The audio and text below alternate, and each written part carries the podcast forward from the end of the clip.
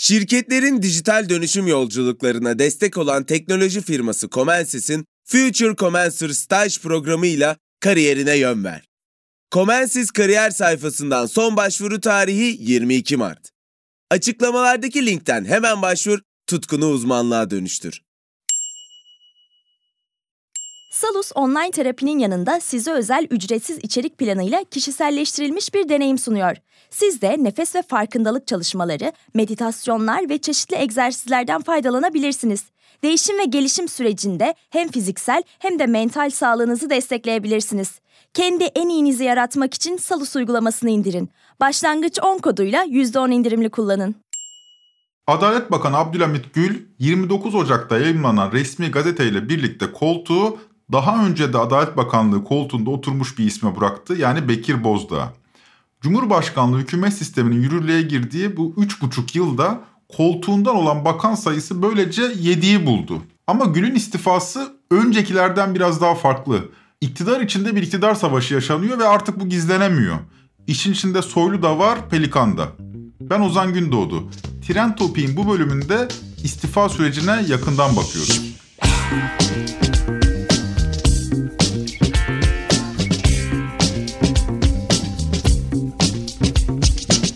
29 Ocak'ta yayınlanan resmi gazete ile Adalet Bakanı Abdülhamit Gül'ün koltuğa veda ettiği ortaya çıktı. Yerine Bekir Bozdağ atandı. Gül'le birlikte 3,5 yıl önce kabineye giren 6 bakanlıkta toplam 7 bakan görev sırası dolmadan koltuğa veda etti. Kimdi bunlar? Hatırlayalım kısaca. Milli Eğitim, Ulaştırma, Ticaret, Hazine ve Maliye, Aile ve Sosyal Güvenlik Bakanları ve şimdi de Adalet Bakanı. Belirtelim bu arada Hazine ve Maliye Bakanlıklarında koltuk iki kez değişti son üç buçuk yılda. Ancak Abdülhamit Gül'ün vedası diğerlerinden biraz daha farklı ve önümüzdeki günler için çok daha önemli. Konu bizzat yargıyı yani aslında siyasetin müdahalesinin olmaması gereken bir alanı ilgilendirdiği için biraz daha odaklanılması gereken bir konu. Şimdi dışarıdan bakıldığında iktidar yek vücut görünüyor fakat içeriden bakıldığında biraz daha yakından bakıldığında vaziyet daha farklı çatlakları ve çeşitli güç odaklarını ancak yakından bakarak gözleyebiliyoruz. 10 Temmuz 2018'de Cumhurbaşkanlığı hükümet sisteminin ilk kabinesi açıklandığında kimse bu kabinenin böyle bir klikler savaşı olacağını hesaba katmıyordu ama işler hesaplandığı gibi gitmedi. Kabinede kritik önemde 3 bakan bulunuyordu o yıllar için. Yani 2018'in ortası için. Bunlardan ilki arkasında MHP'nin olduğu İçişleri Bakanı Süleyman Soylu. Biliyorsunuz Demokrat Parti kökenli 2012'de AKP'ye gelmişti. İkinci isim Erdoğan'ın damadı yani aileden ve aynı zamanda Sabah ATV grubunu yöneten Hazine ve Maliye Bakanı Berat Albayrak'tı.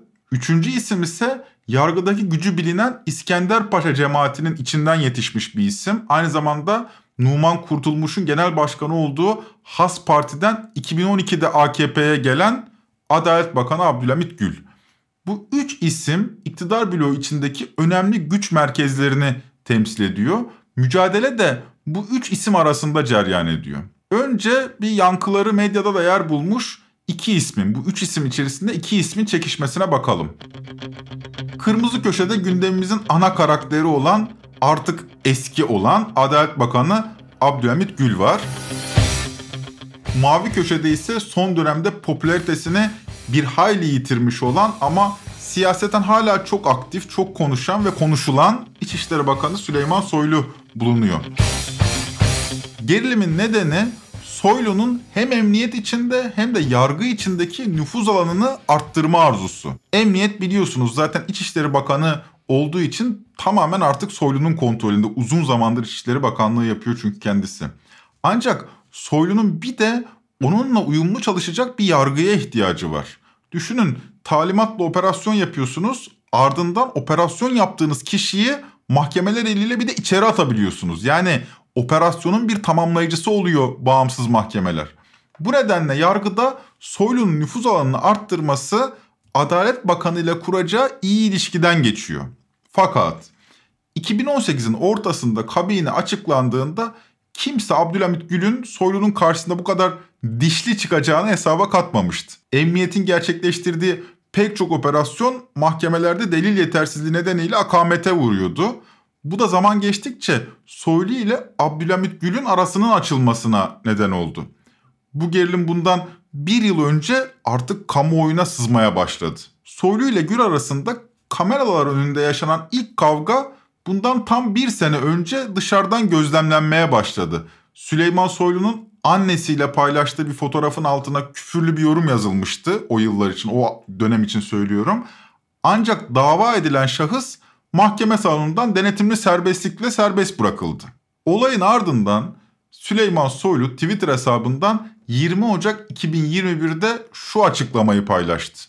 45 gündür anam hastanede. Annemle fotomun altına küfreden alçak mahkemeye çıkıyor ve adli kontrolle serbest. Ne yapmalıyım? Bakan olsam ne yazar? Millet devlet işleriyle boğuşurken anasının namusuna sahip çıkmamak ne ifade eder? Şimdi çok duygusal bir çıkış bu Süleyman Soylu adına ama tabii bunun bir arka planı var. Soylu annesine dönük bir hakaret davası üzerinden aslında taleplerinin mahkemelerde karşılık bulmadığını taraflara duyurmuş oluyordu kameralar önünde veya sosyal medya aracılığıyla. Ben gerekeni yapıyorum da Adalet Bakanı yapmıyor aslında diyordu. Aradan 24 saat geçmedi. Soylu'ya cevap üstü kapalı da olsa Abdülhamit Gül'den geldi. Şimdi hakimi yerine bazen sosyal medya mahkemesi kuruluyor hatta infaz bile ediliyor. Klavye başına geçip her gün sosyal medyada bana tutuklama siparişi ya da tahliye siparişi verenlere sesleniyor. Türkiye Cumhuriyeti bir hukuk devletidir. Burada kanunlar işler, kurallar işler, usuller işler, işlemeye de devam eder. Adalet Bakanlığı'nın hakim savcı cübbesi yoktur. Görevim süresince o cübbeyi giymedim ve hiç kimse kusura bakmasın o cübbeyi de asla giymeyeceğim görevim boyunca. Gül ile Soylu arasındaki kameralara yansıyan gerilim bununla da bitmedi. Tren Topi'nin 95. bölümünü dinleyenler hatırlayacaktır. Süleyman Soylu'nun 26 Ekim 2021'de metruk binalara ilişkin yaptığı açıklamadı paylaşmıştık o bölümde. Soylu muhtarlara şöyle demişti. Efendim mahkeme kararı var biz yıkamıyoruz. Ya arkadaş sen gece yık mahkeme kararı senin arkandan gelsin. Şimdi böyle bir açıklama tabii o dönem için gündem olmuştu ve yine cevap bu sefer 8 Kasım'da Abdülhamit Gül'den gelmişti.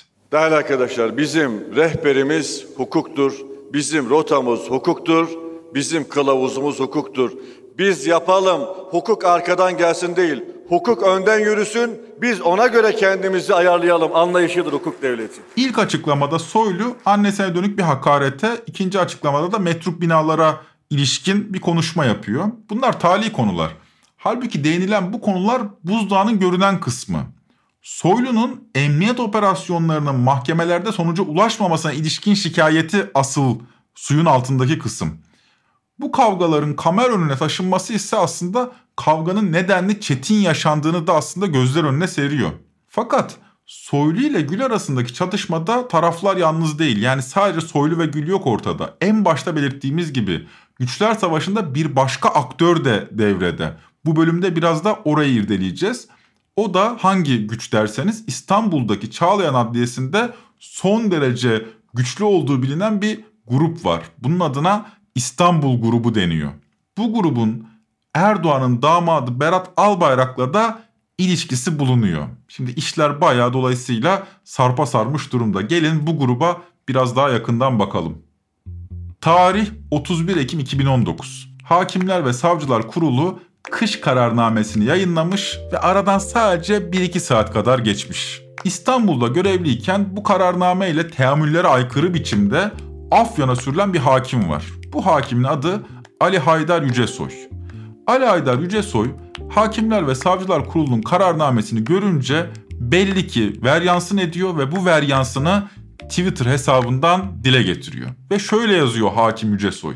HSK içine sızdığı ve etkin olduğu iddia edilen İstanbul grubu Pelikan çetesi gölgesinden arınmadan, yasal soruşturma prosedürünü işletmeden atama ve benzeri tasarruflarda bulunmayı ertelemelidir. O soruşturmayı kimse istemeyecekse bu grubun kurbanları olarak biz talep ediyoruz. Bu aslında son derece önemli, üzerinde günlerce konuşulması gereken bir çıkıştı. Bir hakim bir çeteden bahsediyordu yargının içine sızmış. Böylece kulislerde bahsedilen, varlığı inatla reddedilen İstanbul grubu ilk kez bir resmi ağızdan çıkmış oluyordu. Peki kim bu İstanbul grubu? Konuyu yakından takip eden Döçevele'de gazeteci Alican Uludağ'a sorduk. Şimdi e, İstanbul grubunu şöyle tanımlamak gerekiyor. Onun bir üst çatı örgütü var. O da ne? Pelikan örgütü. Pelikan örgütünün başında kim var? İşte Berat Albayrak var ve Berat Albayrak'ın çevresinde oluşturulmuş bir güç odağı. Tabii bu Pelikan örgütünü hepimiz biliyoruz yapılanmasını işte neler yaptığını ama onun devlet içinde ya da daha doğrusu konu başlıkları itibariyle çeşitli alanlarda örgütlenmeleri var. Bunlardan biri de yargı içerisinde. Yargı içerisindeki örgütlenmesinin adı da İstanbul Grubu. Alican Ulu da İstanbul Grubu'nun içinde Cumhurbaşkanı'nın avukat kadrosunun ve Çağlayan Adliyesi'ndeki çeşitli savcı ve hakimlerin de bulunduğunu söylüyor. Bunların baskın olduğunu dile getiriyor ve bu grup ile Abdülhamit Gül arasındaki gerilimin miladı olarak 17 Eylül 2019'u gösteriyor. Eylül 2019'da e, sabah yazarı Dilek Güngör bir yazı kalemi aldı ve Abdülhamit Gül'ü de oradan hedef aldı. Orada ne yazdı? FETÖ ile mücadele edenler sürgün ediliyor. Yerine hani baylok olanlar işte FETÖ darbeye karışanların akrabaları kritik birimlere getiriliyor diye doğrudan Gül hedef alan bir açıklamaydı ve bilerek yazdırıldı. O açıklamadan sonra Abdülhamit Gül'ün görevden alınması yerine yine Pelikan grubuna ya da İstanbul grubuna yakın ya da bizzat o grubun içerisinde yer alan bir ismi Adalet Bakanı yapma hedefleri vardı. Araya girelim hemen. Bu işlerde herkesin bildiği bir kural var. Nedir o? Tümüyle kontrol altındaki iktidar medyasında buna benzer yazılar yazılıyorsa hedefteki ismin kendine dikkat etmesi gerekir. Hatırlayın daha önce Merkez Bankası Başkanı Naci Abal bu şekilde görevden el çektirildi. Çünkü iktidar medyası yalnızca basit bir kamuoyu oluşturma aparatı değil artık. Aynı zamanda parti içindeki disiplini de sağlayan bir güç odağı. Sabah gazetesinde çıkan bu yazı da Abdülhamit Gül'e dönük bir operasyonun parçası. Çünkü Sabah gazetesinin arkasındaki güç de Albayrak ailesi. Berat Albayrak'ın abisi Serhat Albayrak tarafından yönetiliyor gazete. Gül yazının hemen ardından ertesi gün mesajını yine kameralar karşısında verdi. Dolayısıyla saldırıya hemen bir kontra atakla cevap verdi. Hemen dinliyoruz. Daha düne kadar FETÖ'cülerle aynı maktubeye kaşık sallayanlar bugün çıkıp da FETÖ mücadelesi dersi vermeye kalkmasınlar. Türk yargısına hesap sormaya kalkmasınlar. Türk yargısına töhmette bulunmaya kalkmasınlar. Bu açıklamasıyla Abdülhamit Gül, Berat Albayrak grubuyla da savaşı herkesin gözü önünde başlatmış oldu. Şimdi uzaktan bakıldığında ya herkes AKP'li kardeşim diyebilirsiniz. Nedir bu savaş diyebilirsiniz. Fakat işler öyle değil. Abdülhamit Gül AKP'li ama tahmin ettiğiniz kadar değil. Gül 2003'ten 2010'a kadar Saadet Partisi'nin genel başkan yardımcısıydı. 2010 yılında partiden ayrılmış ve Numan Kurtulmuş'un genel başkanı olduğu Has Parti'nin kurucular kurulunda yer almıştı. 2012'de de Numan Kurtulmuş ile birlikte AKP saflarına katıldı. Yani Numan Kurtulmuş'la birlikte hareket eden bir isim Abdülhamit Gül. Dolayısıyla koltuğa vedası Numan Kurtulmuş'un gücünü de azaltan bir gelişme olduğunu vurgulayalım. İşte bu güç odağının parçası olan Abdülhamit Gül artık Berat Albayrak'ın kontrolündeki yargıda İstanbul grubunun gücünü kırmaya niyetlendi. İlk hedef Hakimler ve Savcılar Kurulu'ydu. 24 Ekim 2019'da İstanbul grubuna yakın olan HSK Teftiş Kurulu Başkanı Yunus Nadi Kolukısa ve HSK Genel Sekreteri Fuzuli Aydoğdu görevlerinden ayrıldı ve yerlerine yeni isimler atandı. Böylece bu İstanbul grubuna yakın olduğu söylenen bu isimlerin görevden alınmasıyla beraber yargıda İstanbul grubunu pasifize eden bir konum kazandı Abdülhamit Gül. Alanında lider teknoloji şirketi Comensis, mühendislik, tasarım, ürün geliştirme, test mühendisliği ve bulut gibi alanlarda staj yapmak üzere 3. ve 4. sınıf öğrencilerini arıyor. 8 Temmuz'da başlayacak ve 6 hafta sürecek programa Comensis kariyer sayfasından son başvuru tarihi ise 22 Mart. Future Comensir ile akademik bilgilerini uygulamalı deneyimlerle pekiştir, tutkunu uzmanlığa dönüştür. Salus uygulamasında klinik psikologların yanında online görüşme yapabileceğiniz farklı uzmanlar da var. Çocuk gelişim uzmanı, diyetisyen veya fizyoterapist. Bu sayede değişen ihtiyaçlarınıza uygun beslenme, egzersiz ve sağlıklı yaşam rutinleri oluşturabilirsiniz. Salus uygulamasını indirin ve başlangıç 10 koduyla %10 indirimden yararlanın. Detaylar açıklamalarda ve salusmental.com'da. Adına İstanbul grubu denen bir çıkar grubunun varlığı giderek su yüzüne çıkınca gazeteci Cüneyt Özdemir Haziran 2020'de kendi YouTube kanalında bu grubu bizzat Adalet Bakanı Abdülhamit Gül'e sordu. Böyle bir şey kesinlikle yoktur diyorsunuz anladığım kadarıyla. Böyle bir şey eğer kesinlikle varsa bunun yeri HSK'dır, savcılıktır. Kimin elinde belge, bilgi varsa giderse Türkiye hukuk devletidir. E, kim olursa olsun. Asla... Abdülhamit Gül Özdemir'in sorusuna net bir cevap vermedi ama böyle bir grubun varlığını da inkar etmedi. Bunun üzerine Özdemir daha net bir şekilde net bir cevap alabilmek için sorusunu yineledi. Sizce tek kelimeyle var mı yok mu? Şimdi Cüneyt Bey insanın olduğu her yerde... çok, siz, ya çok basit bir şey. Var dersiniz ya da yok dersiniz. Ben yani, Adalet Bakanlığı koltuğunda siz oturuyorsunuz. Siz yani bunu bu, bilmezseniz e, kim bilecek? geçilen ya da e, somutlaştırarak değil. İnsanın olduğu her yerde Hakimde de savcıda bir adliyede yanlış karar olur, bir adliyede yanlış insan olur. Adalet Bakanı bu soruya da net bir yanıt vermedi. Ya yani böyle bir grup varsa bile bunun kabul edilemeyeceğini, böyle bir olasılık karşısında gerekenin yapılacağını ve yargının bağımsız olduğunu dile getirdi. Yani aslında bir bakıma siyasi cevaplarla Abdülhamit Gül topu taca attı. Ama gazeteci Alican Ulu da bizzat yaşadığı bir olayı aktarıyor bizlere ve İstanbul grubunun varlığının bizzat Erdoğan'ın avukatı Ahmet Özel tarafından kabul edildiğini dile getiriyor. Benim de bir anım var bu İstanbul grubu ile ilgili. Ben o dönem işte 17 Eylül'deki o çıkıştan sonra İstanbul grubunu ilk kez kamuoyuna ismiyle yazan gazeteciyim.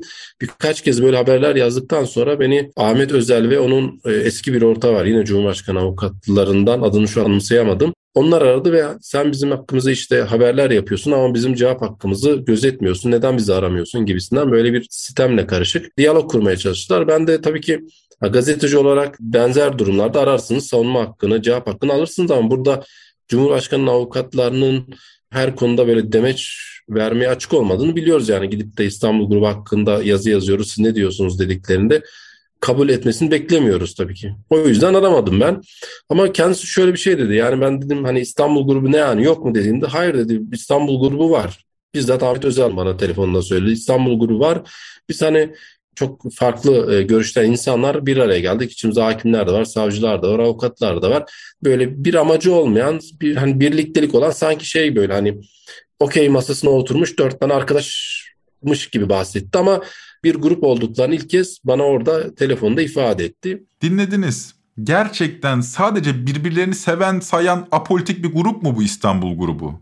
Bu sorunun cevabını alabilmek için Alican Uludağ şahsen arayan ve İstanbul grubunun varlığını bizzat kabul eden Ahmet Özel'in kariyerine bakalım. Kendisi Erdoğan ailesinin ve Berat Albayrak'ın şahsi avukatı. Kamuoyu onu aynı zamanda FETÖ'den yargılanan 17-25 Aralık'ın ardından Zaman Gazetesi'nin %10'unu satın alan, yani Zaman Gazetesi'nin ortağı olan Rixos Otel'in sahibi Fettah Tamince'nin avukatı olarak da tanıdı.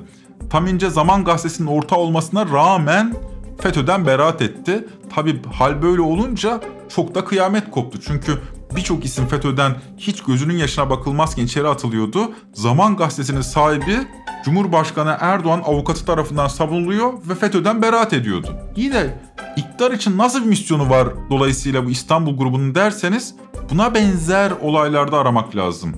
Alican Uludağ'ın aktardıklarına göre Osman Kavala davasından Sözcü ve Cumhuriyet gazetelerine açılan davalara işte Canan Kaftancıoğlu'na varana kadar pek çok siyasi davada temel aktör işte bu İstanbul grubu. Fethullahçılar gidip Pensilvanya'dan icazet alıyorlarsa, davaları orada şekillendiriyorlarsa benzer siyasi davalarda örneğin Sözcü davasında, Cumhuriyet davasında ya da İstanbul'daki işte Canan Kaptancıoğlu'nun yargılandığı dava benzer birçok bir siyasi dava sürekli hep dikkatinizi çekmiştir. İstanbul'da mutfağa konulur, pişirilir ve e, fırına verilir.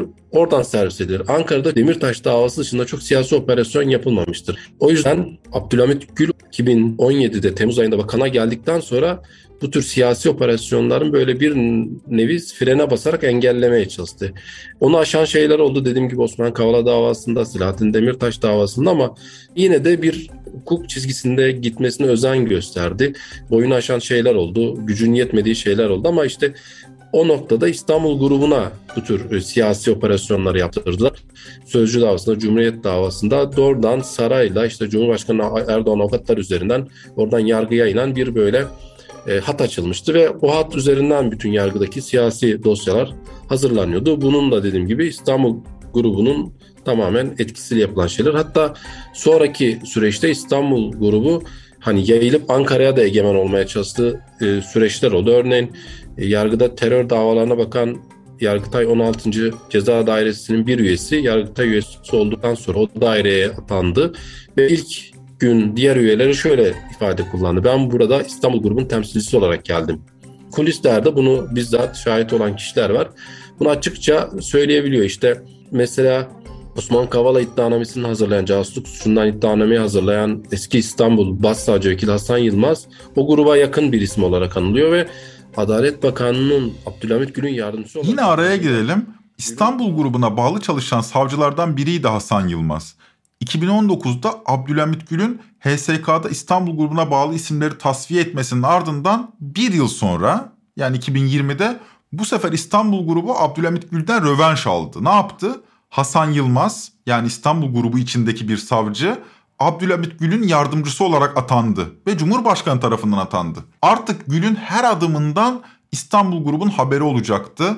Gazeteci Alican Uludağ da bu atamanın Abdülhamit Gül cephesinde rahatsızlık yarattığını vurguluyor. Yani uzunca bir süredir Berat Albayrak'ın yönettiği bu grup ile Abdülhamit Gül arasında bir mevzi savaşı olduğunu gözlüyoruz. Sonunda kazanan taraf belli oldu. Abdülhamit Gül'ün vedasıyla birlikte Süleyman Soylu'nun eli rahatladı. Sadece bu değil, yargı cephesinde de Berat Albayrak'ın yönettiği söylenen İstanbul grubunun nüfuz alanı genişledi. Peki şimdi bizi ne bekliyor? Gazeteci Uludağ'da tam da bu soruyu sorduk. Başlı başına bir psikolojik etkisi olacak. Yani Abdülhamit Gül orada olduğu için yargıda ona güvenerek iş yapan en azından hukuk çizgisinde hareket etme gayretinde olan hakim savcılar olduğunu biliyoruz.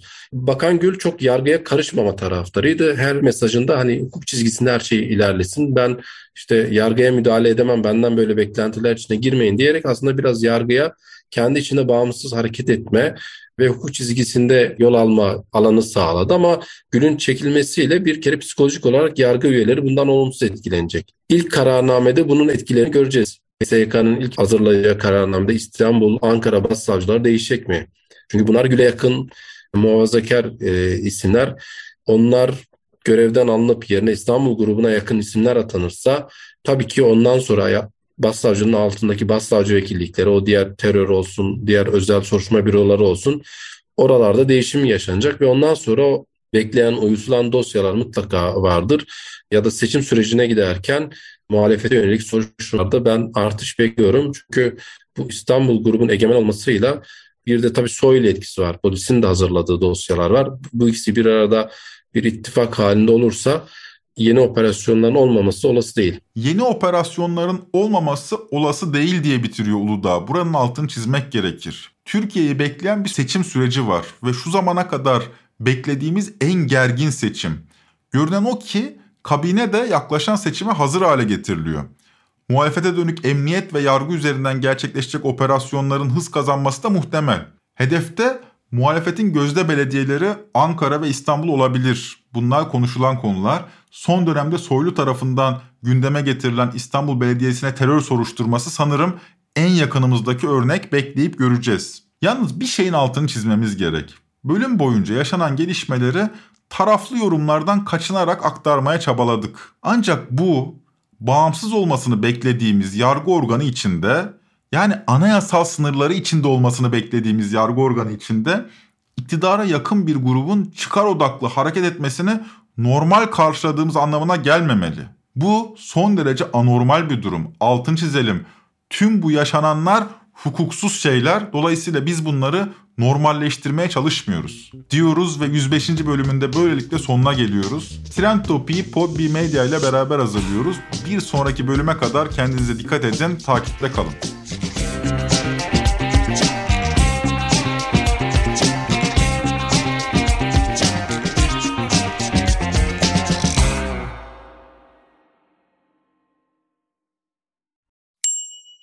Future Commencer staj programı ile kariyerine yön ver. Comensis 6 haftalık staj programı için 3. ve 4. sınıf mühendislik öğrencilerini arıyor. Comensis kariyer sayfasından son başvuru tarihi 22 Mart. Açıklamalardaki linkten hemen başvur, tutkunu uzmanlığa dönüştür. Salus yetkin psikologları ile terapiyi her yerden ulaşılabilir kılmaya devam ediyor. Yaşam tarzı değişiklikleri, adaptasyon sorunları, yalnızlıkla başa çıkma gibi konularda online terapi desteği için Salus uygulamasını indirin. Başlangıç 10 koduyla %10 indirimli kullanın.